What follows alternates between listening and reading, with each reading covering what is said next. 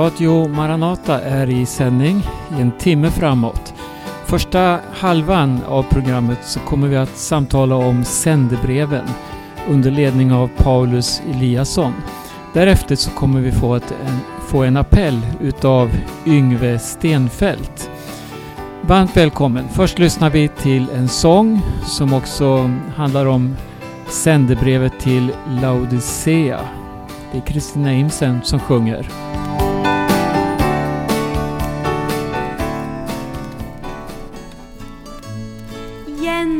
Traditioners traditioner. Kyrkoståt och prästers skrot. Många helga sakramenten. Kör och mustigt orgelljud Jag har vunnit rikedomar och behöver ingenting. Gud, vår Fader och vår kyrka gör mig trygg med dessa ting Vår orkester spelar ljuvligt och vår sångkör sjunger skönt. Mest om kärlek och om blommor Något annat är ej lönt. Predikanten sårar ingen Talar kärleksfullt och bra. Och hans ton så vänlig Läran sån som vi vill ha. Men så plötsligt spricker bilden. Det är ordets skarpa svärd. Du är fattig och eländig Naken, blind och ömkansvärd. Se, jag klappar en på dörren. Öppna nu, är Jesu bud. Jag med dig vill hålla måltid Ge gemenskap med din Gud.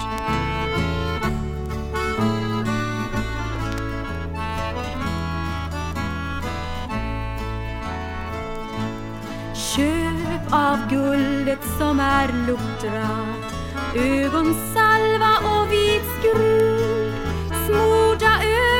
ren i blodet På nytt född av himlens Gud Jesus bor ej i en kyrka Gjord av någon människohand Men ditt hjärta blir ett tempel uppfyllt av den helge Ande.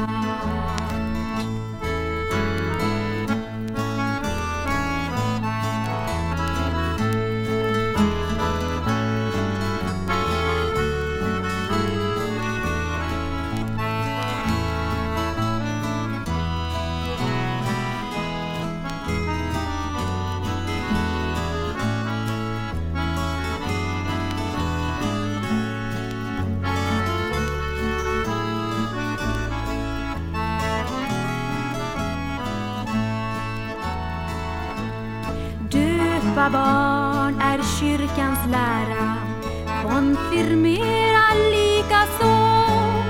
Men har prästen svårt att läsa Kan han Bibeln ej förstå.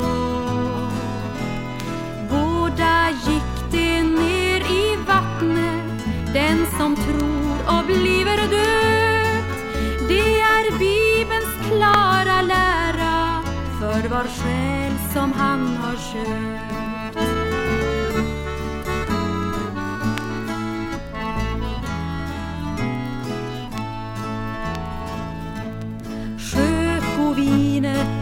det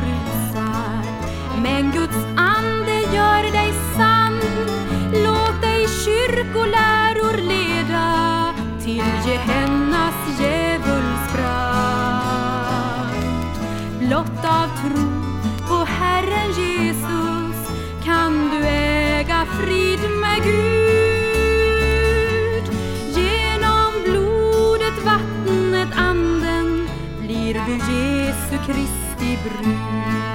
Genom blodet, vattnet, anden blir du Jesu Kristi brud. Ja, då ska vi välkomna till Radio Maranata. Vi ska samtala tillsammans om det sista av sändebreven i Johannes uppenbarelse. Och de som är samlade här över internet, det är Hans Lindelöv, det är Berno Vidén och det är jag, Paulus Eliasson. Det här programmet eh, programmet blir lika långt som vanligt men vårt samtal just om sändebrevet blir lite kortare för i andra delen av vårt program så ska vi få lyssna till en appell av eh, broder Yngve Stenfelt. Men vi ska börja med att läsa den texten som eh, är till församlingen i Laodicea och den hittar du i Johannes uppenbarelse kapitel 3 och vers 14. Där står det så här och skriv till ängeln för församlingen i Laodicea. Så säger han som är Amen, det trovärdiga och sanna vittnet, upphovet till Guds skapelse. Jag känner dina gärningar, du är varken kall eller varm. Jag skulle önska att du vore kall eller varm. Men eftersom du är ljum och varken varm eller kall ska jag spy ut dig ur min mun. Du säger, jag är rik, jag har fått rikedom och behöver ingenting och du förstår inte att just du är eländig, ynklig, fattig, blind och naken. Jag råder dig att köpa guld av mig som är renat i eld så att du blir rik och vita kläder att skyla dig med så att din skamliga nakenhet inte syns och salva att smörja dina ögon med så att du kan se. Alla som jag älskar tillrättavisar och tuktar jag, visa därför iver och vänd om. Se, jag står vid dörren och knackar. Om någon hör min röst och öppnar dörren, så ska jag gå in till honom och hålla måltid med honom och han med mig. Den som segrar ska jag låta sitta hos mig på min tron, liksom jag själv har segrat och sitter hos min far på hans tron. Du som har öron, hör vad anden säger till församlingarna. Det är eh, sändebrevet till Laodicea, det sista av de sju sändebreven i Johannes uppenbarelse. Och kanske eh, ska fråga dig Berno om du vill börja och säga någonting om inledningen på det här brevet och vad brevet handlar om. Mm.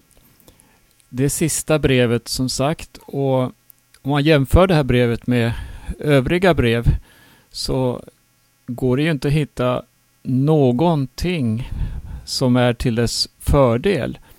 De andra församlingarna har man alltid sett olika egenskaper och någonting som har lyfts fram då som har varit bra. Men församlingen i Laodicea, den får verkligen utstå kritik och väldigt allvarliga uppmaningar till omvändelse. Och det, det, det är som en ändetidens församling på ett sätt. Mycket av det som Jesus talade om hur det ska vara vid eh, tidens slut, alltså den yttersta tiden. Om hur det ska förkunnas falska läror, en falsk Kristus, ett annat evangelium och så vidare. Så det, det är spontant mina första tankar kring det här brevet. Mm. Eh, Hans, du har brukat eh, kommentera de här Kristuspresentationerna som, som breven börjar med. Och det här brevet börjar ju med Så säger han som är Amen, det trovärdiga och sanna vittnet, upphovet till Guds skapelse. Vad, vad, vilken relevans har, har Jesus presentationen i det här brevet? Ja, jag tror att eh, det är eh, mycket mycket allvarligt att eh, uppmärksamma. Därför att det är det sista brevet. Och med den tolkningsmodell som vi har lite ibland påmint om, alltså att det här skulle representera olika skeden i frälsningshistorien, i den kristna församlingens historia, skulle det här alltså kunna vara det sista då också gälla den sista perioden av församlingens historia. Att då Jesus presenterar sig så som begynnelsen. Hela meningen är här i 1917. Just det, han som är Amen. Det trovärdiga och sannfärdiga vittnet, begynnelsen till Guds skapelse.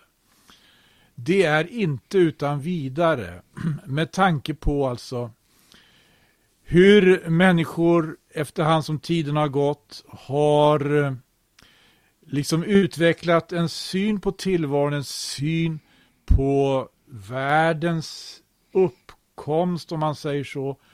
Vi har en uppfattning om begynnelsen som vi får lära oss. Vi har en uppfattning om liksom tillvarons grunder som liksom förlorar sig i ett myller. Det, det kan vara så att vi försöker undersöka historien bakåt.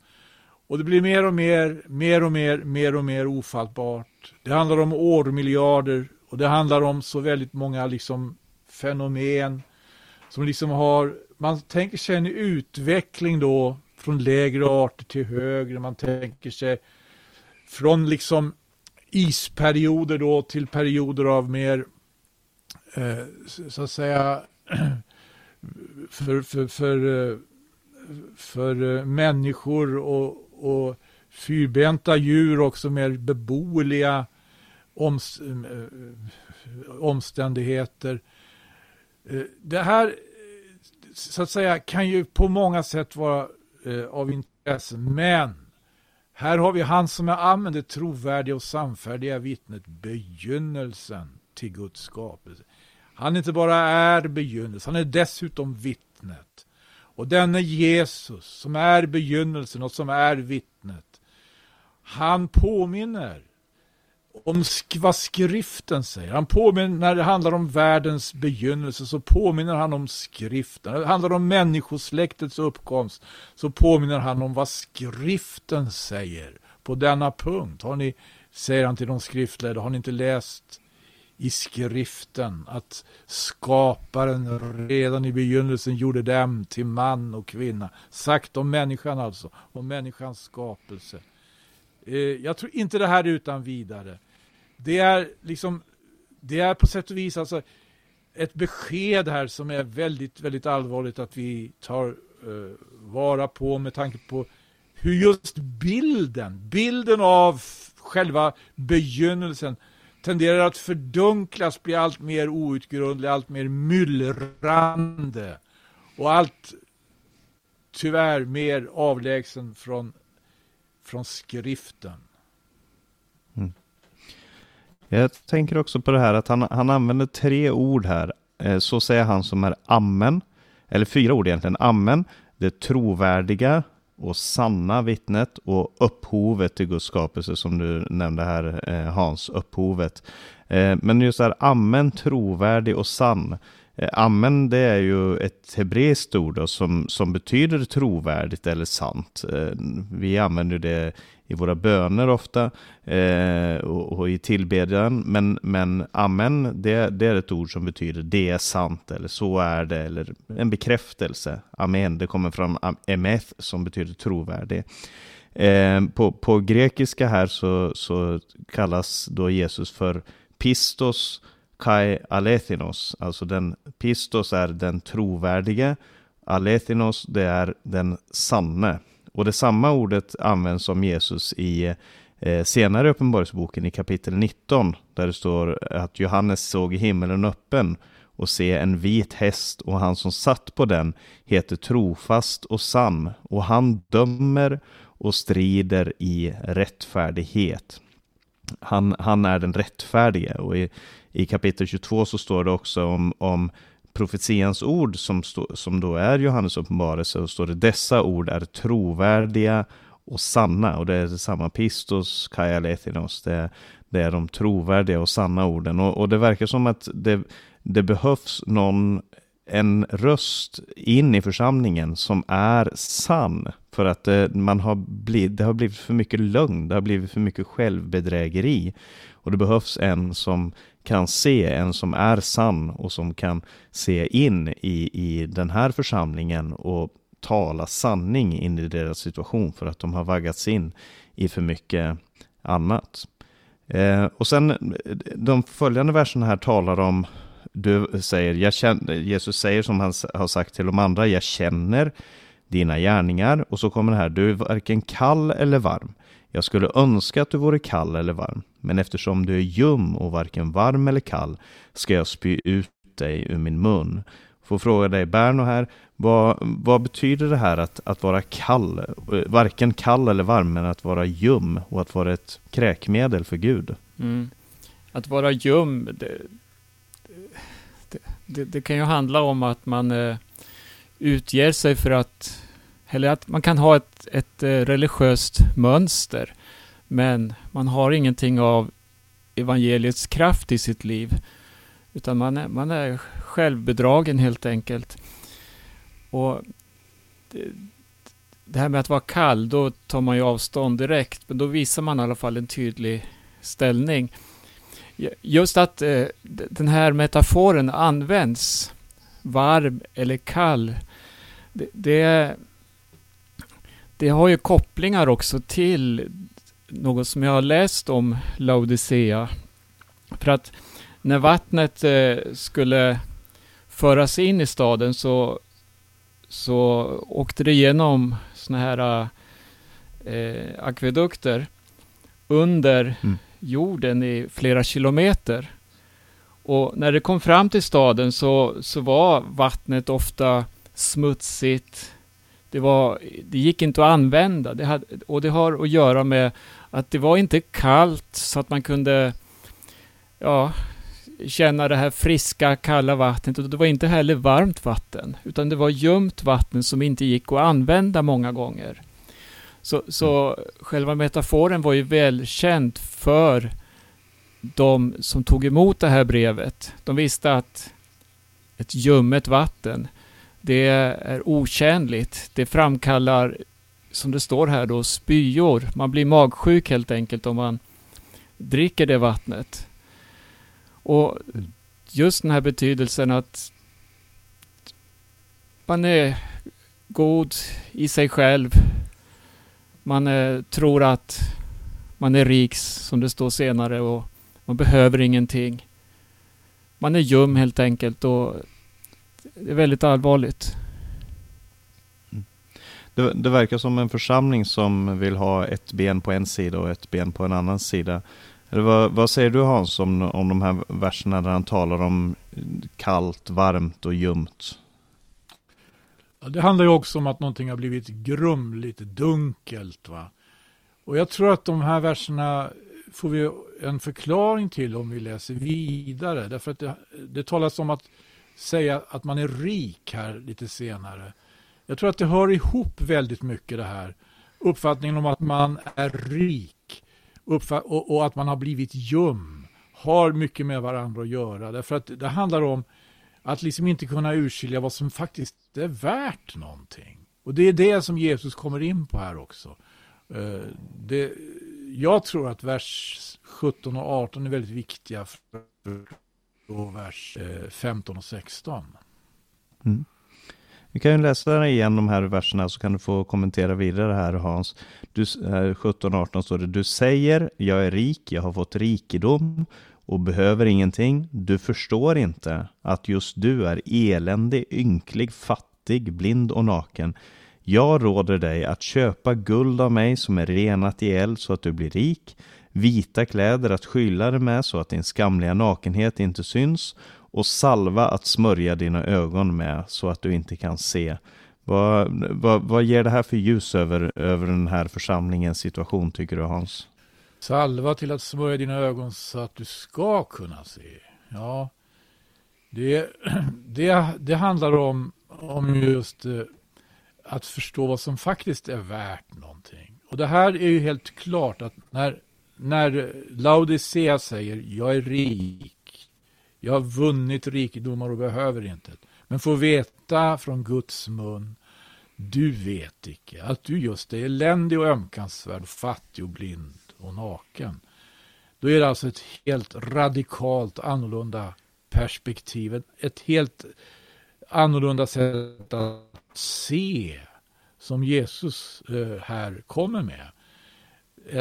Laodiceas sätt att se på, betrakta sig själv stämmer på intet vis med det sätt som Jesus betraktar eh, henne. Och då kommer också det här rådet.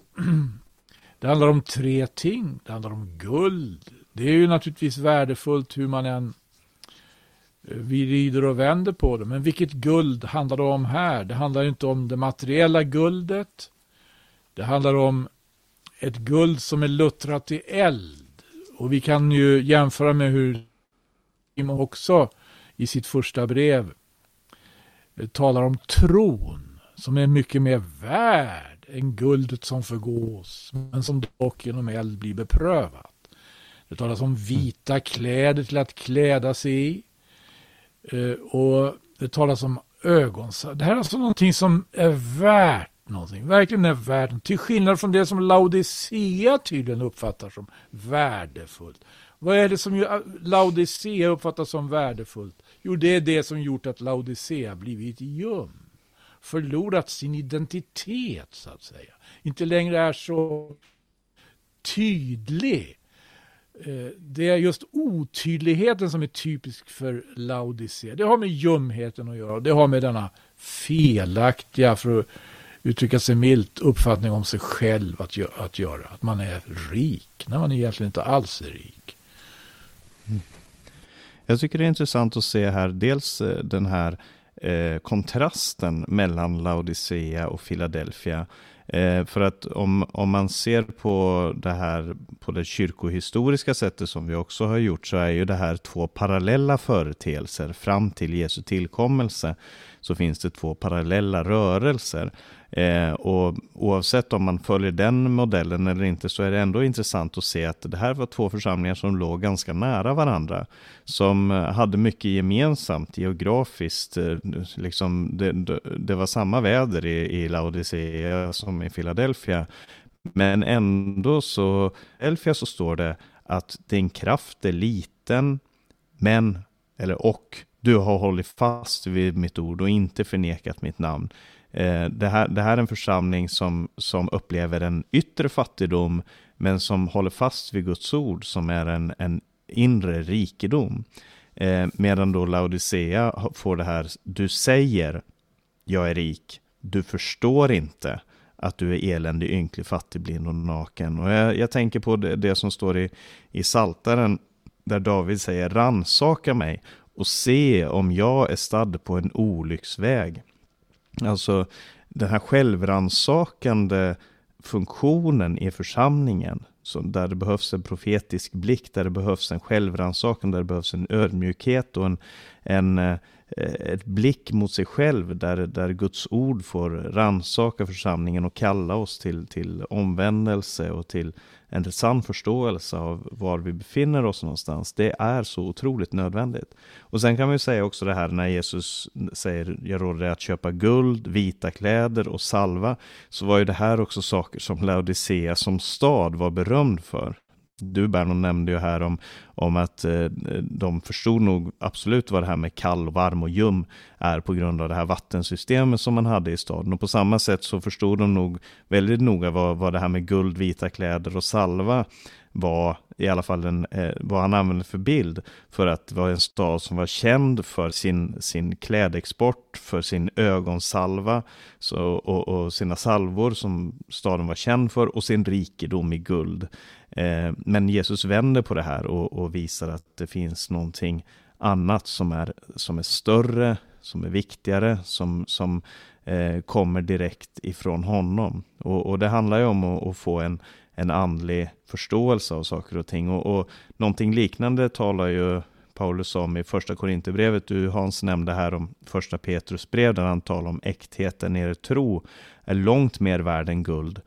Eh, I första Korinthierbrevet så använder aposteln Paulus en, en bild när han säger att eh, de har lagt en grund de som var apostlar och förkunnare, de hade lagt en grund och så säger han om någon bygger på den grunden med guld, silver och ädelstenar eller med trä, hö och halm så ska det visa sig hur var och en har byggt. Den dagen ska visa det, för den dagen uppenbaras i eld och elden ska pröva hur vars och ens verk är.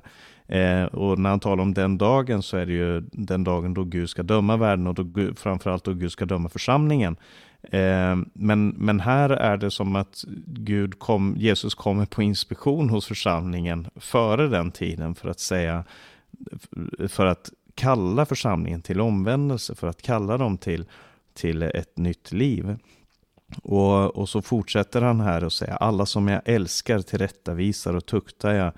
Visa därför iver och vänd om. Och få fråga dig Berno, om vad, vad är essensen i det som Jesus vill att församlingen ska göra för att, för att komma tillbaka till det som de har förlorat?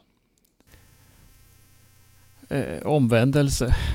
Det, ja. det, något som eh, de berömde sig av då, det, det, kan ju också ha bidragit till den här ljumheten, just rikedomen. För, för när man läser om, om Laodicea så var det en stad som var rik på, på eh, affärer av olika slag. Det fanns ett bankväsen där som eh, var väldigt, eh, ja, eh, exempelvis när, när staden vid ett tillfälle den, eh, den blev offer för en jordbävning så blev man erbjuden hjälp ifrån Rom.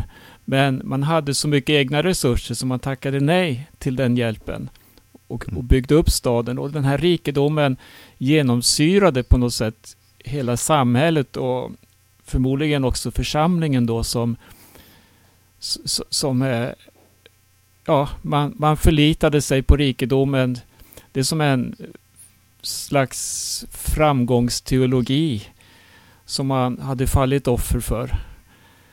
Och eh, Sen står det att Jesus står vid dörren och knackar. Och, och så är budskapet det här, om någon hör min röst. Man får känslan av att det är ett budskap här om att gå ut utanför. Att att rädda församlingen som sådan eller institutionen eller vad man ska säga. Det, det man möter i de andra breven, där står det det finns några hos dig och det är budskap mer riktat till församlingarna. Och det är det här också förstås, men just det här om någon hör min röst. Det, det, det tycker jag är väldigt allvarligt. Ska inte församlingen som enhet höra Guds röst? Det har gått förlorat något viktigt här. Mm. Jag tycker också att det, det, som står här, alla som jag älskar tillrättavisar och tuktar jag. Eh, alltså, eh, det finns en kärlek hos, hos eh, Kristus som, som mot människorna som är här, mot församlingen och så vidare. Att han, att han verkligen längtar efter att få eh, och, och, för att få visa dem att tillrättavisning och tukt det är eh, ett uttryck för Guds kärlek. Det, det verkar som att den här församlingen har fått, alltså de, de har en sån klappa varandra på ryggen attityd. Du säger, jag är rik, jag har fått rikedom, jag behöver ingenting. Eh, vi, precis som du sa, det finns den här historiska parallellen till när de erbjöds hjälp och sa att nej, nej, vi behöver ingenting. Vi, vi, har, vi har inte behov för någon, någonting utanför oss själva. Mm. Eh, men, men att det finns en längtan hos Gud eh, som säger alla som jag älskar, de tillrättavisar och tuktar jag. Han, han vill tillrättavisa dem. Det mötte man ju hos Paulus många gånger i sina brev då hur han går till rätta med församlingar. Och det gör han ju just för att han älskade församlingarna så oerhört. Mm. Ja, precis. Vad säger du Hans om den här eh, eh uppmaningen som kommer ifrån, eh, ifrån Jesus? Jag står vid dörren, jag knackar, om någon hör min röst och öppnar dörren ska jag gå in till honom, jag ska hålla måltid med honom och han med mig. Vad är det Jesus önskar med de här människorna? Alltså det, det är ju Laodicea-brevets märkliga version alltså av eh, tanken om Herrens tillkommelse. Här är den uppfattningen verkligen alltså, det handlar om en lokal tilldragelse. Och man kan jämföra med ordet hos Jakob här. Eh, när Jakob skriver i sitt femte brev eh, förmanas sucka icke i sitt brev i femte kapitlet, vers 9. Sucka icke mot varandra, mina bröder. På det att ni icke må bli dömda, se domaren stå för dörren. Här står Herren för dörren, men ännu inte som en domare faktiskt. Han kommer att eh, komma in, står och hålla måltid. Det är alltså det är ett erbjudande här om, om någon lyssnar till min röst. Jag tänker också på den eh, så att säga suck som vi hör från Jesus i Lukas evangelis i det sjuttonde kapitel. Ska väl människosonen när han kommer finna tro här på jorden. Alltså finns det någon, ja då kommer han. Då kommer han in. Då finns det också utrymme för upprättelse innan han kommer slutgiltigt, för då kommer han som en domare. Mm. Ja, precis. Och jag, jag, tänker också på det han säger här. Om någon hör min röst öppna dörren så ska jag gå in till honom och hålla måltid med honom och han med mig. Och den här måltiden är ju intressant för att eh, eh, han eh, Eh, Bibeln talar mycket om, om, olika måltider. Det talar om att församlingen som i Jerusalem till exempel, att de höll fast vid apostlarnas undervisning, brödragemenskapen, brödragemenskapen vid brödsbrytelsen och bönerna. Och, och, ständigt var dag var de tillsammans i templet och i huset så bröt de bröd och tackade Gud i hjärtats enfall. Det fanns en, en eh, måltidsgemenskap i eh, församlingen. Eh, men den här måltiden, där var ju också Jesus närvarande och, och, i, eh, och, och det finns en, ska vi säga, det, det, finns en, en önskan ifrån Guds sida att dela gemenskapen vid bordet i, i människors liv. Det, eh, till exempel vid förbundet i Sinai, när Gud ingick förbund med Israels folk, så står det att de som gick upp på berget, de äldste ifrån ifrån Israel, de, de åt och drack tillsammans med Gud uppe på berget. Eh, och sen i Uppenbarelseboken kapitel 19 så talar ängeln till Johannes där och säger till honom Skriv, saliga är de som är bjudna till Lammets bröllopsmåltid. Och han tillade, dessa ord är sanna. Välsign, salig är den som Eh, eh, som är bjudna till Lammets bröllopsmåltid. Och den här måltiden som, som vi kan få uppleva delvis här på jorden, men som vi får uppleva i, i fullkommenhet i, i, i himmelen, den är ju helt klart en...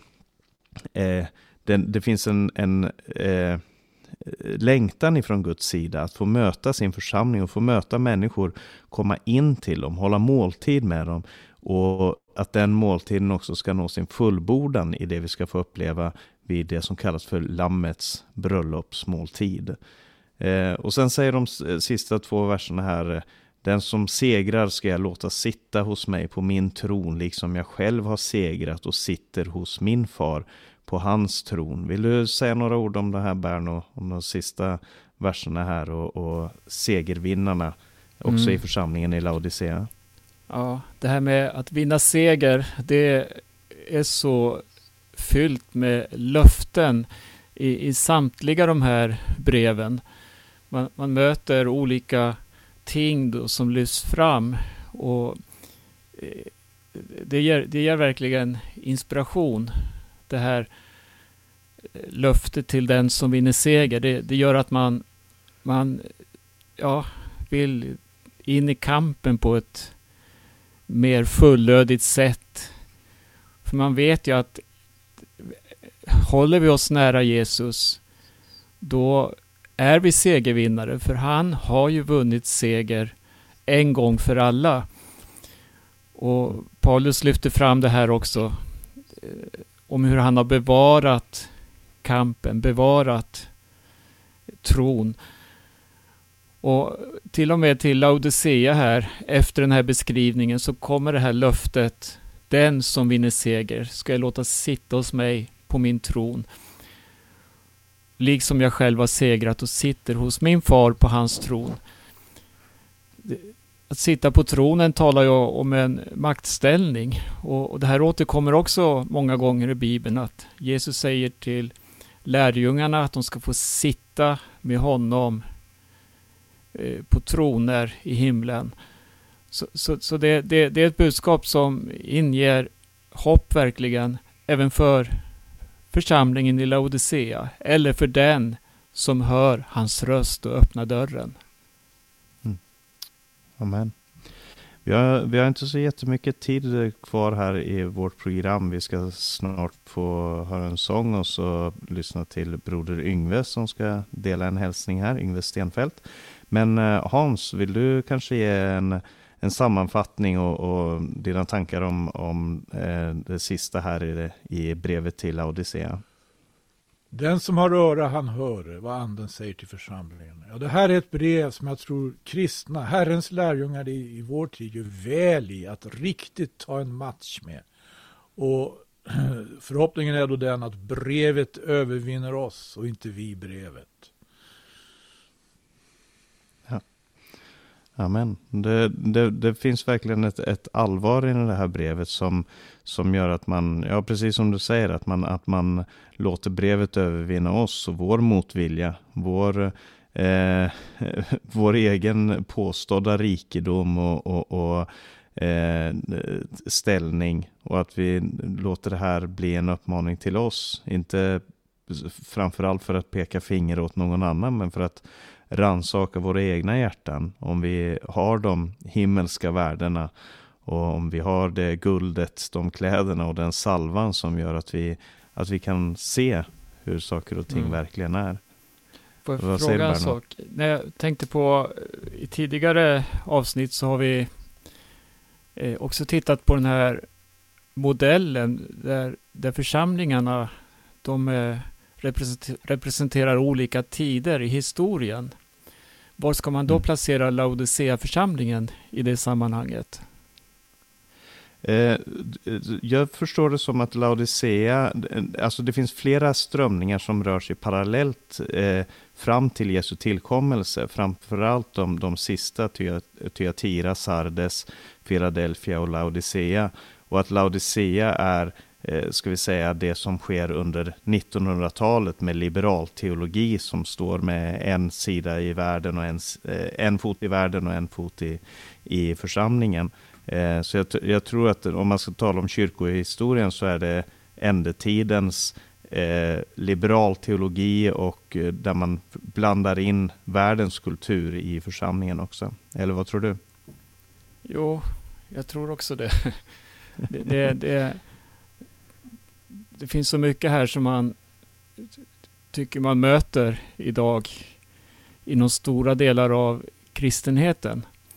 Mm. Och det gör att man blir väldigt ödmjuk. Man, man, ja. Och så får man, får man bedja för och med varandra att vi verkligen får ta till oss det här ordet och se till att vi har öron så att vi hör vad Guds ande säger till församlingarna. Amen. Får vi avsluta med de här orden som Jesus säger här. Alla som jag älskar tillrättavisar och tuktar jag. Och vi hoppas att det här brevet också kan vara till tillrättavisning och till tukt för oss och, och för hela kristenheten i Sverige och i världen. Att vi verkligen får ta till oss av Guds ord. Så får vi Eh, önska lyssnarna på Guds rika välsignelse. Eh, och som sagt, alldeles strax så ska vi få höra en appell här av Yngve Stenfält. Men vi tackar för oss och, och önskar er Guds frid. Jesus, håll mig vid ditt kors där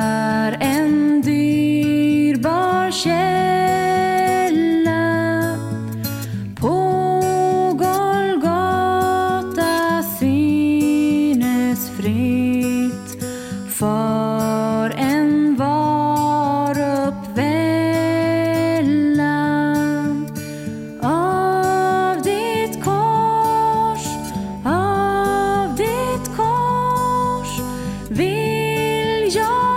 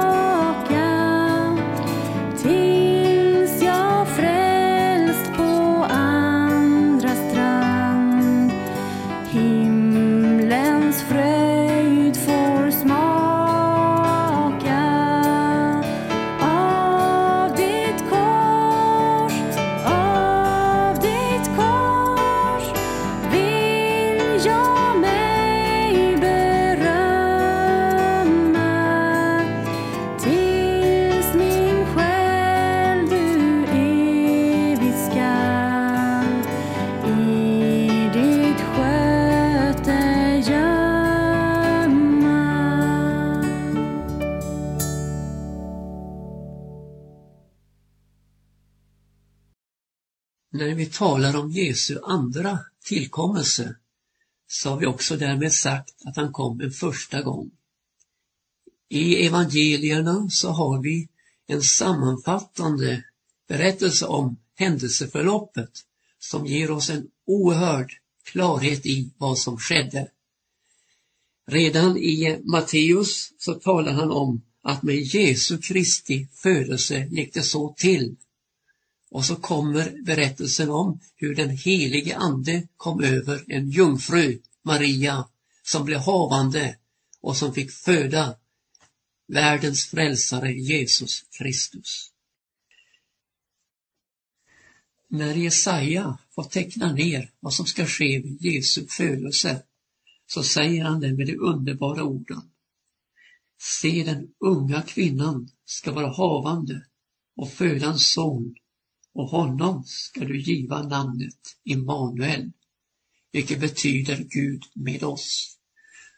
Och så får vi då blicka in i jungfrufödelsens under och förstå att här har vi att göra med en Gud som är med oss. Vidare talar han om ett barn var oss fött, en son bliver oss given. På hans skuldror skall herradömet vila och hans namn ska vara underbar i råd, väldig Gud, evig fader, fridsfurste. Men innan dess har han talat om syftet med varför Jesus skulle komma. Då läser vi det folk som vandrar i mörkret ska se ett stort ljus. Ja, över dem som bor i dödsskuggans land skall ett ljus skina klart. Du ska göra folket talrikt, du ska göra dess glädje stor. Inför dig ska de glädja sig, som man glädes under skördetiden, så som man fröjdar sig när man utskiftar byte. Till du ska bryta sönder deras bördors ok och deras skuldrors gissel och deras plågares stav, liksom i Midjans tid. Och skon som krigaren bar i stridslarmet och manteln som sölades i blod. Allt sådant ska brännas upp och förtäras av eld. Och så kommer då det här underbara ordet igen. Ty ett barn var oss fött, en son blir oss given och på hans skuldror skall herradömet vila och hans namn ska vara underbar i råd, väldig Gud, evig fader, fridsförste. Så skall herradömet vara stort och friden utan ände över Davids tron, över hans rike. Så skall det befästas och stödjas med rätt och rättfärdighet från nu och till evig tid. Herren Sebaots nitälskan ska göra detta. Idag har en frälsare blivit född åt er i Davids stad och han är Messias, Herren. Så var budskapet som hördes utanför Betlehem på herdarnas äng bland några enkla herdar. Och eh, tidigare så var det ju så i Israel, som vi läser i Bibeln, att det uppstod frälsare som eh, frälste Israel ur nödsituationer de hamnat i. Det kunde vara domare, det kunde vara profeter och gudsmän på olika sätt. Men alla de här hade något gemensamt, nämligen att de kunde inte frälsa i den verkliga situationen, nämligen det som hela mänskligheten var behäftad av att befrias ifrån, synden. Det är en sak att bli befriad i yttre avseende som kan vara nog så underbart. Men hur du, men det viktigaste är ju det här att få uppleva en inre befrielse från synden och bli frälst. Och det finns bara en som kan göra det. Hans namn är Jesus. Därför får vi lov att sätta ett stort F på den här benämningen. Idag har en frälsare blivit född åt er i Davids stad. Och det är ju gripande att lägga till och se att eh, vad benämningen är, jo han är Messias, Herren. det möter oss en oerhörd Guds suveränitet i händelseförloppet. Där får änglar bringa budskap till oss människor och eh, redan där i Nasaret så blev ärkeängeln Gabriel sänd till Maria för att tala om för henne vad som skulle ske. Och så möter oss då en Herrens ängel där hos hedarna och som säger dessa underbara ord. Idag har en frälsare blivit född åt er i Davids stad och han är Messias, Herren. Men tillsammans med ängeln så visade sig för dem en stor hop av den himmelska härskaran som lovade Gud och sa Ära vare Gud i höjden och frid på jorden bland människor till vilka han har behag. Och när de hade bringat budskapet så blir de tagna upp i himlen igen. Men då, då reagerar herden och säger låt oss nu gå till Betlehem och se vad där har skett och som Herren har kungjort för oss. Och så gick man och så fann man barnet liggandes i krubban. Gud hade lagt det dyrbaraste han ägde i ett par enkla människors händer, Josef och Maria. Och det visar något om hur Gud handlar. Han använder sig av änglavärlden, ja, visst, men han använder sig också av de enklaste människor. Så ingen behöver stå utanför utan alla kan uppleva hur Gud har användning för oss. När Hebreerbrevet talar om händelserna så talar de om Jesu inträde i världen och talar om hur det varit förut med slaktoffer och spisoffer, brännoffer och syndoffer. Men hur det är nu med en kropp som Gud har berett att offras. Och vi läser då att ifrån Hebreerbrevet 10, femte vers. Därför säger han vid sitt inträde i världen. Slaktoffer och spisoffer begär du icke, men en kropp beredde du åt mig. I brännoffer och syndoffer fann du icke behag. Då sa jag, se jag kommer, i bokrullen är skrivet om mig, för att göra din vilja, o Gud. Sedan först har sagt, slaktoffer och spisoffer, brännoffer och syndoffer begär du icke, och i sådana fann du icke behag, och dock frambärs det efter lagen, säger han vidare. Se, jag kommer för att göra din vilja. Så tar han bort det förra för att sätta det andra istället. Och i kraft av denna vilja har vi blivit helgade därigenom att Jesu Kristi kropp en gång för alla har blivit offrad. Varför var det då nödvändigt att en kropp bereddes av Gud? Ja, det visade ju sig att det gamla förbundets offertjänst var otillräcklig.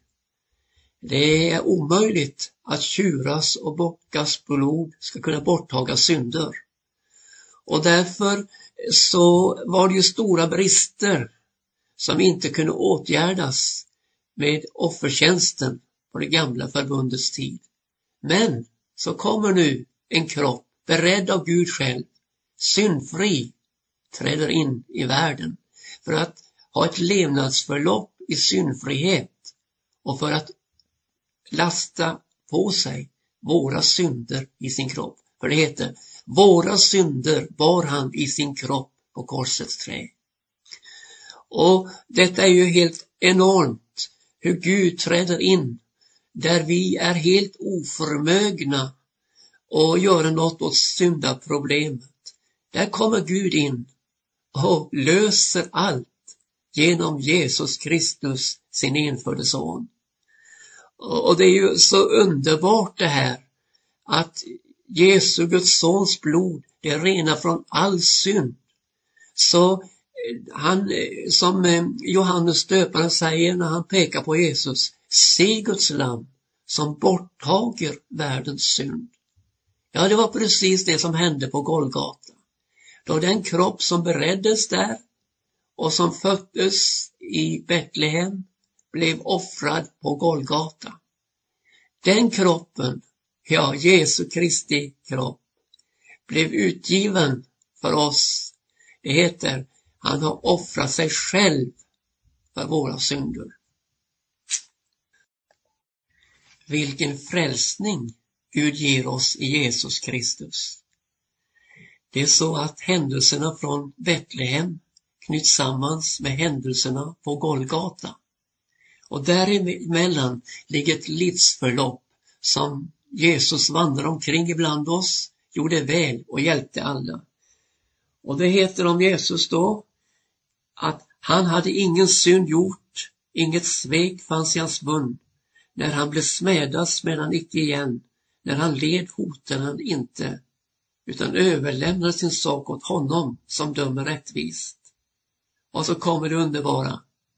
Av våra synder bar han i sin kropp på korsets träd, för att vi skulle bort ifrån synderna och leva för rättfärdigheten. Och genom hans sår har vi blivit helade. Ty vi gick alla vilse som får, men nu har vi vänt om till våra själars herde och vårdare. Det möter oss ett totalt utgivande. För det är ju som Johannes 3 och 16 säger. Ty så älskade Gud världen att han utgav sin enfödde son på det att var och en som tror på honom inte ska förgås utan ha evigt liv. Och sedan i Efesierbrevet 5 och 2 som möter oss Kristus att han har älskat oss och utgivit sig själv för oss till en gåva och ett offer, Gud till en välbehaglig lukt.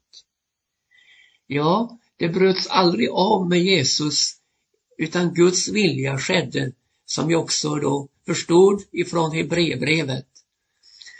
Och det är ju underbart att där vi bröt av, där vi felade, där vi syndade, där var Kristus syndfri och utförde en rening från synderna.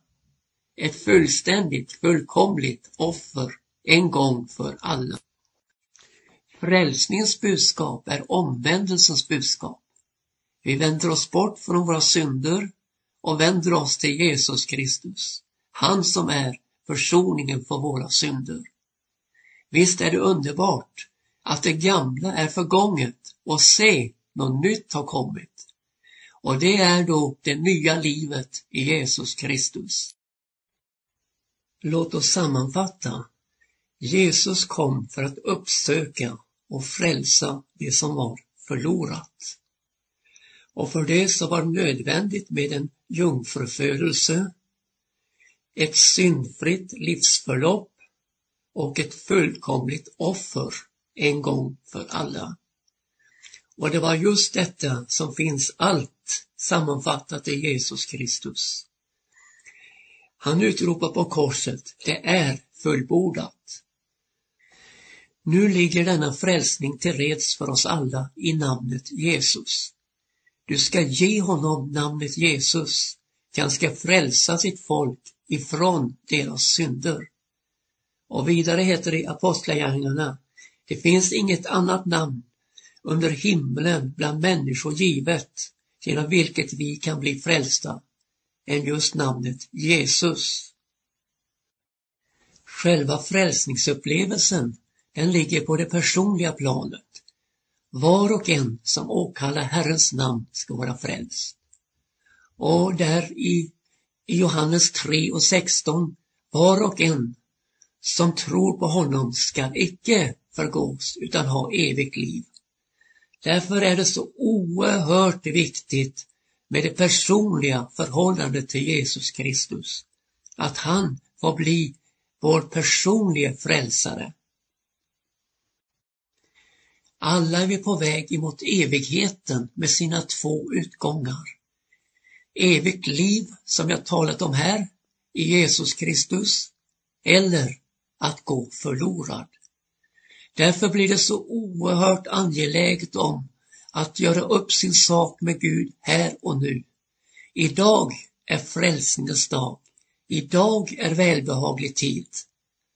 Och det gäller om att söka Herren medan han låter sig finnas, åkalla honom medan han är nära.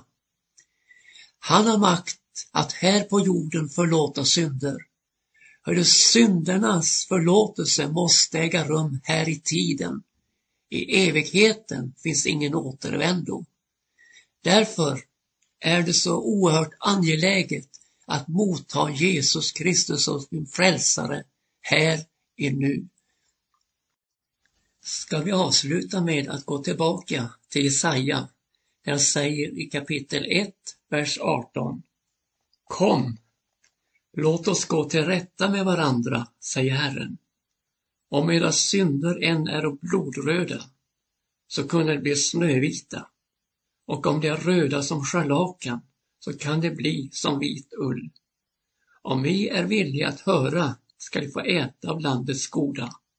Men är ni ovilliga och gensträviga ska ni förtäras av svärd, ty så är Herrens mun talat. Är du, namnet Jesus är själva nyckeln. Namnet Jesus gör att du får uppleva frälsningen personligt. Så låt nu inte detta tillfälle gå dig ur händerna, utan åkalla frälsarenamnet Jesus. Upplev reningen i hans blod, syndernas förlåtelse i hans namn. Och du ska få vara med en dag då skyn brister och han hämtar dem som hör honom till för att föra dem in i själva himlen.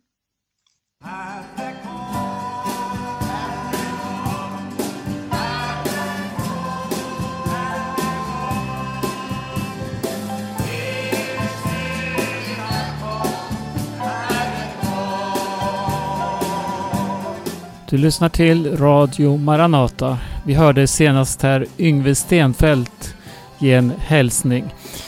Vi önskar alla lyssnare Guds rika välsignelse och på återhörande.